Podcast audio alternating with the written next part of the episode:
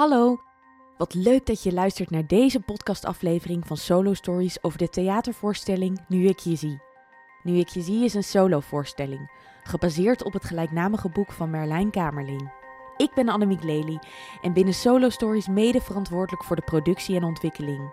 Ik denk mee over toekomstige voorstellingen, geef inleidingen en zorg er als tourmanager voor dat alles achter de schermen zo goed mogelijk verloopt. In deze podcastafleveringen neem ik jou mee backstage. Ik praat met de makers, ervaringsdeskundigen en anderen die met de thematiek van de voorstelling te maken hebben. Veel luisterplezier!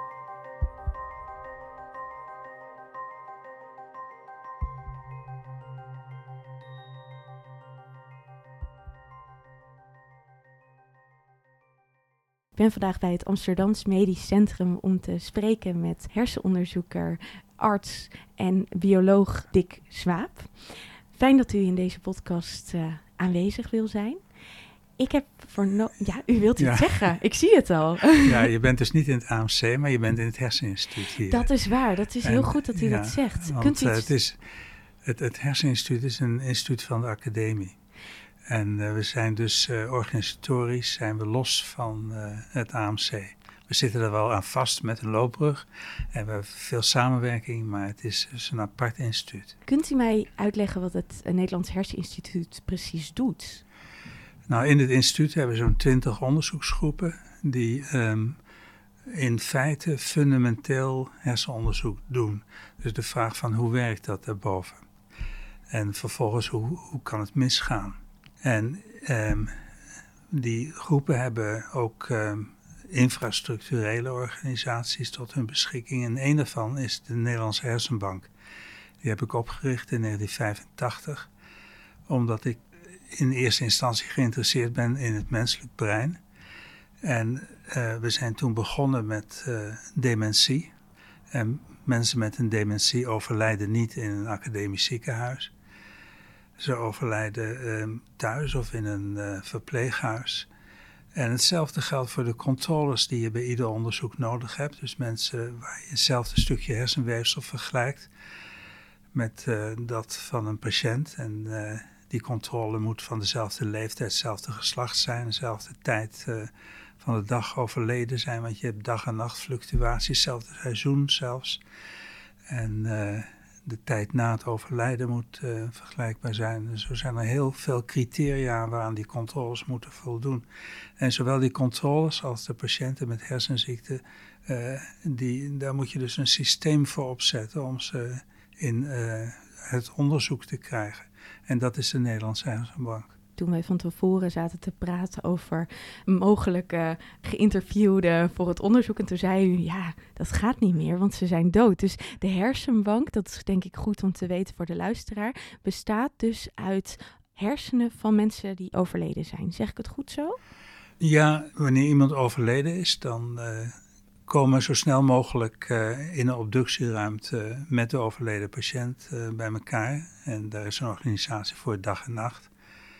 En dan prepareren we zo'n 150 stukjes uit de hersenen van iemand die overleden is. En um, die stukjes die worden behandeld zoals de onderzoekers dat willen. En dat onderzoeksmateriaal dat gaat uh, over de hele wereld heen. Dat gaat naar zo'n 700 onderzoekslijnen in zo'n 25 landen. Nederlands brein is een exportproduct. Oh, echt waar? Ligt dat ook speciaal ergens aan? Is het ook zo dat het Nederlands brein, dat, dat er biologisch iets aan de hand is? Of heeft dat gewoon met de organisatie te maken? Nou, het heeft vooral te maken met het feit dat het land zo klein is.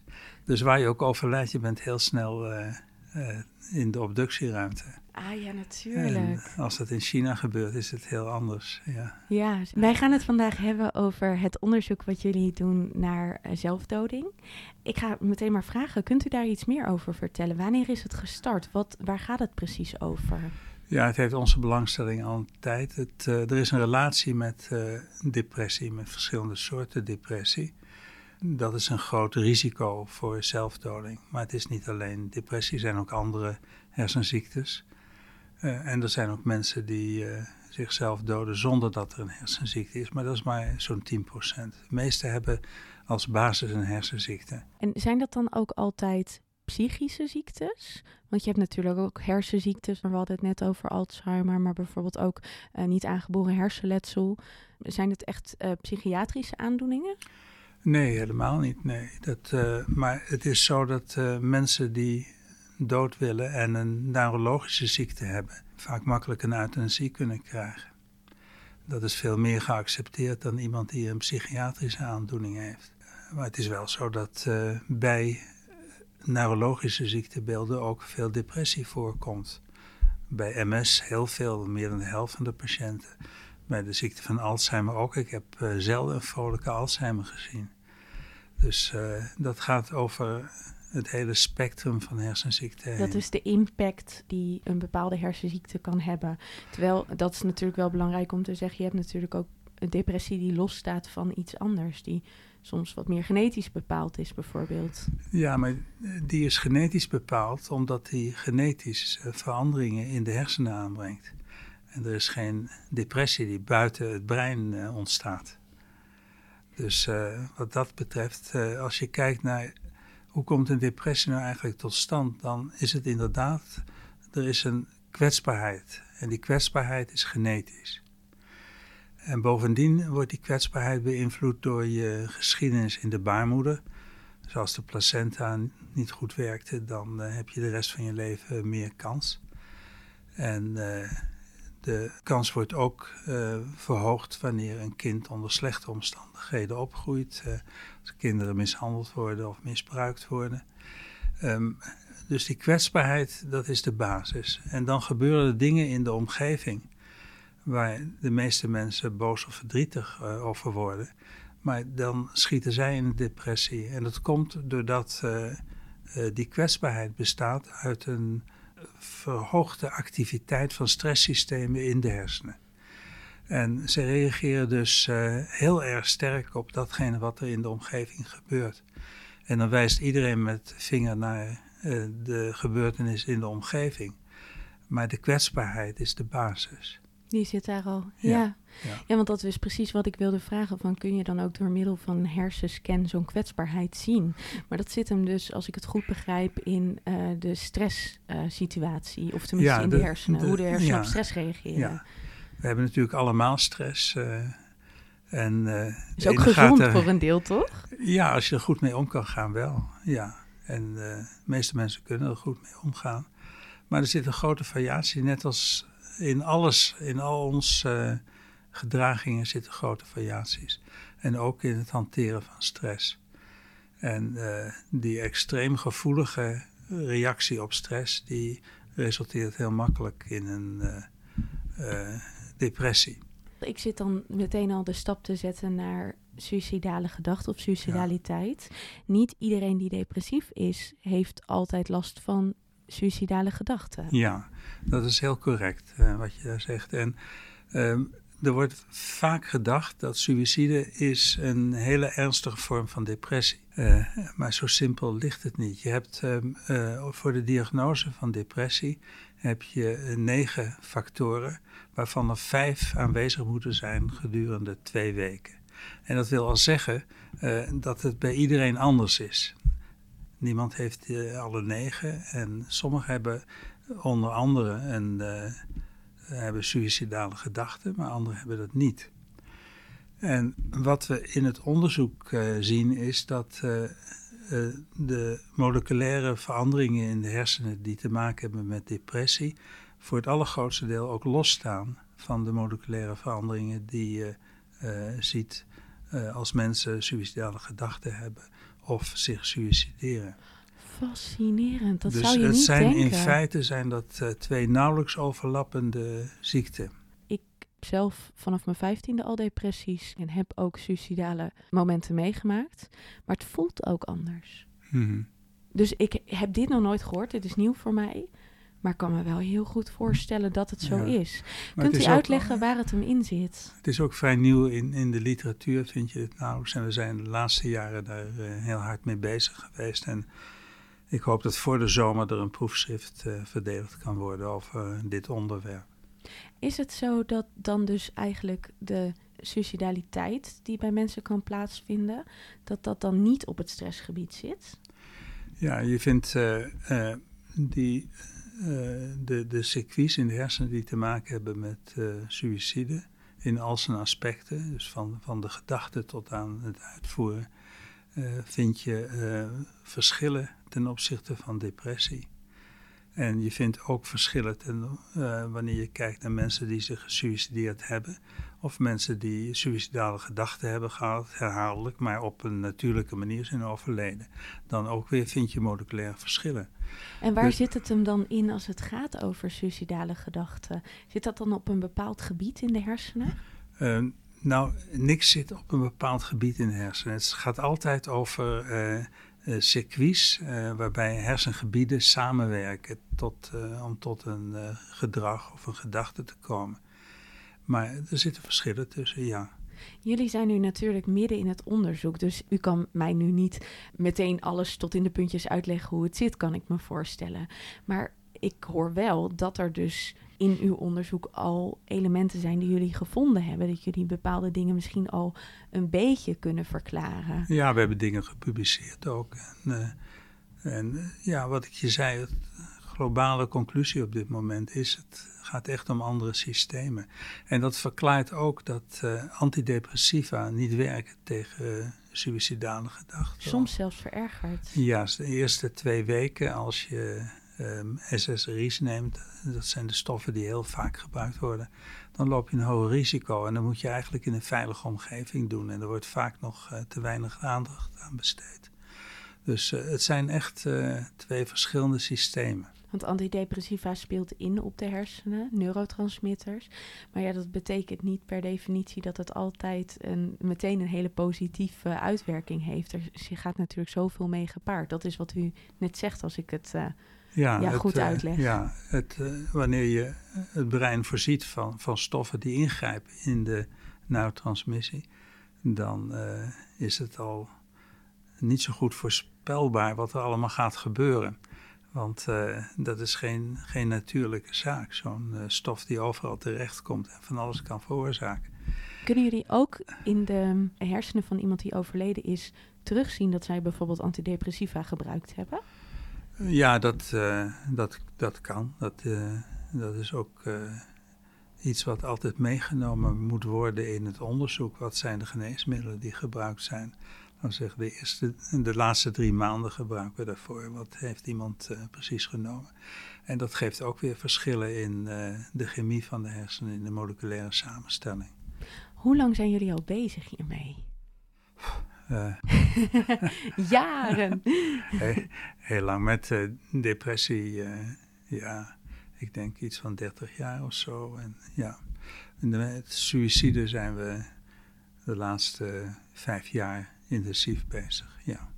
Ik vind het fascinerend wat u vertelt. Ik, waar ik aan denk is, deze voorstelling gaat natuurlijk over de zoon van Anthony Kamerling. Mm. We weten dat Anthony zichzelf van het leven beroofd heeft hij was vlak daarvoor gediagnosticeerd met bipolariteit, dus een manisch-depressieve stoornis. Mm -hmm. Zit er in de manie dan iets misschien wat suicidaliteit kan oproepen, of juist bijvoorbeeld helemaal niet? Ja, nou, als je kijkt naar de verschillende uh, hersenziekten en, en um, de kans die ze geven op een suïcide, en dan is een bipolaire stoornis uh, is iets waar uh, vaak een uh, suïcide uit voort kan komen. Uh, maar met suïcide is het net zoals met uh, depressie. Er is een kwetsbaarheid voor. En die kwetsbaarheid is voor 50% genetisch. En die staat dus ook weer los, in ieder geval ten dele los van de, de kwetsbaarheid voor een depressie. Sommige mensen met een bipolaire stoornis, die hebben geen suïcidale gedachten en anderen zeer veel. En wat maakt dan dat het vaker voorkomt dat uh, mensen met een bipolaire stoornis uiteindelijk wel suicidaal worden? Ja, we denken dat uh, zeggen de, de overlap uh, tussen de genetische factoren die een rol speelt bij depressie en bij suïcide daar een belangrijke factor in is. Ja, zou het op den duur kunnen dat je op vrij jonge leeftijd daar al iets over zou kunnen zeggen als je mensen onderzoekt? Als je kinderen onderzoekt? Ja, je kunt uh, natuurlijk wanneer uh, mensen het je willen vertellen. Dan kun je al vroeg horen of uh, mensen suïcidale gedachten hebben. Maar bij een bipolaire stoornis is, het, is de diagnose ook niet zo vroeg te stellen. Het begint ermee dat kinderen merkwaardig gedrag hebben. En dan op leeftijd van middelbare school soms een depressie hebben. Ehm, en de eerste manische periode, die kan zeven, acht jaar later plaatsvinden. En dan pas kun je zeggen, het is een bipolaire stoornis. Voor die tijd denken mensen dat ze major depression hebben, meest voorkomende vorm van depressie. Aan de andere kant is het zo dat die bipolaire stoornissen een heel belangrijke genetische factor hebben. Dus dat het in de familie ook voorkomt. En dat kan je ook op het spoor zetten. Ja, dat zit hem dan op een andere manier ook in de genetica. Maar ja, nogmaals, wat u al eerder gezegd heeft, het is niet per definitie zo dat een bipolaire stoornis ook suicidaliteit met zich meebrengt. En andersom natuurlijk. Nee. Waar hopen jullie naartoe te gaan met het onderzoek? Want zeg maar, als wij bepaalde dingen straks weten, we weten nu al mhm. een aantal dingen, hoe kunnen we daarop inspelen? Nou, wat wij hopen is dat uh, al die factoren die we nu boven water brengen, die een rol spelen bij suïcide, onafhankelijk van eh, welk ziektebeeld daaronder uh, uh, onder ligt. het kan een bipolaire stoornis zijn, maar het kan ook schizofrenie zijn. Het kan ook een major depression zijn, of borderline, of noem het maar. Um, die factoren die onafhankelijk van de onderliggende ziekte uh, naar boven komen, die hopen wij geven een idee over de nieuwe targets die we kunnen uh, voorstellen voor medicatie. En die medicatie zou dan onafhankelijk zijn van de depressie die eronder ligt. Het zou echt gericht zijn op uh, suïcide. En dat is iets nieuws.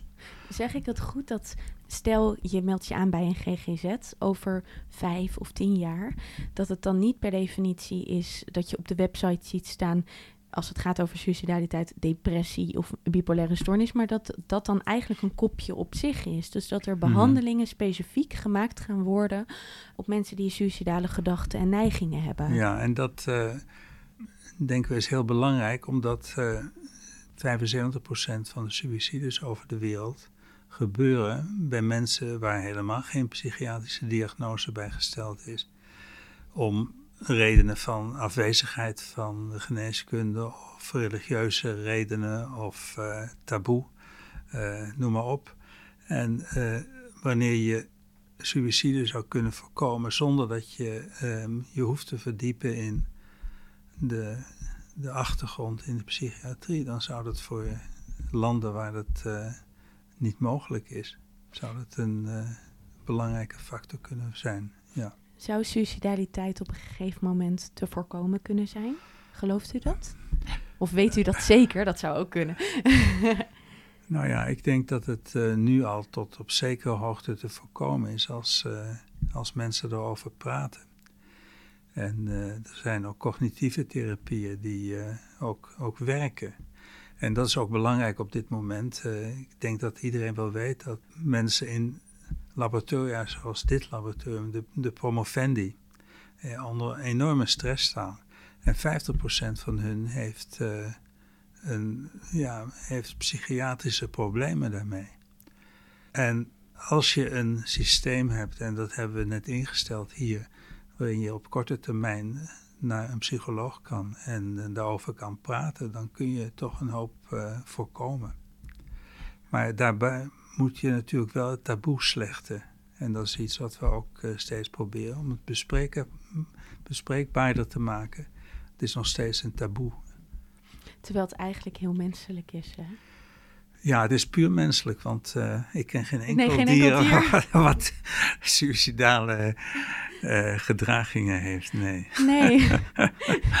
er zijn gewoon heel veel mensen die hier last van hebben. In meer of mindere mate. Sommige mensen denken dat eens in hun leven, omdat bepaalde omstandigheden ertoe leiden.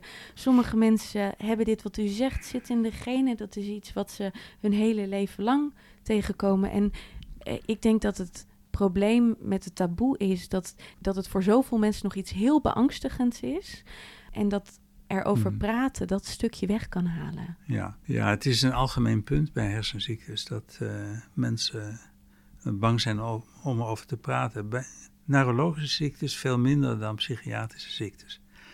En eh, psychiatrische ziektes worden ja, verborgen gehouden voor eh, de baas in ieder geval, voor eh, de vrienden en vriendinnen en eh, soms voor de familie. En eh, als je kijkt naar de getallen in China, dan is China een heel gezond land. Ze hebben maar een derde van de depressies die we hier hebben. Maar dat komt niet omdat ze zo gezond zijn. Dat komt omdat ze. ehm, ja, het laatste wat je doet in China is naar een psychiater gaan en behandeld worden. En dat resulteert erin dat er driemaal meer suïcides zijn in China dan in eh, het Westen. Dus het is heel belangrijk om, eh, ja, om te vertellen wat je dwars zit en eh, daarmee eh, naar voren te komen. Ook al hebben we niet op dit moment de perfecte geneesmiddelen. Maar er is zeker hulp te bieden. Praten is onderdeel van de behandeling, Ja, van Ja. de preventie. ja, absoluut. Ja. Dank u wel. Wil je naar Nu ik je zie komen kijken? De voorstelling is van 19 januari tot en met 4 juni te zien in de Nederlandse theaters. Ga naar solostories.nl om een kaartje te bestellen. Leuk om je in de foyer te zien. Kom je na afloop naar me toe om te vertellen wat je van de voorstelling vond? Of via onze socials? Tot dan! De totstandkoming van de voorstelling Nu ik je zie wordt mede mogelijk gemaakt door 113 Online, Slachtofferhulp Nederland, Mind, Fonds Podiumkunsten, Fonds 21 en het Dr. C.J. Fayant Fonds.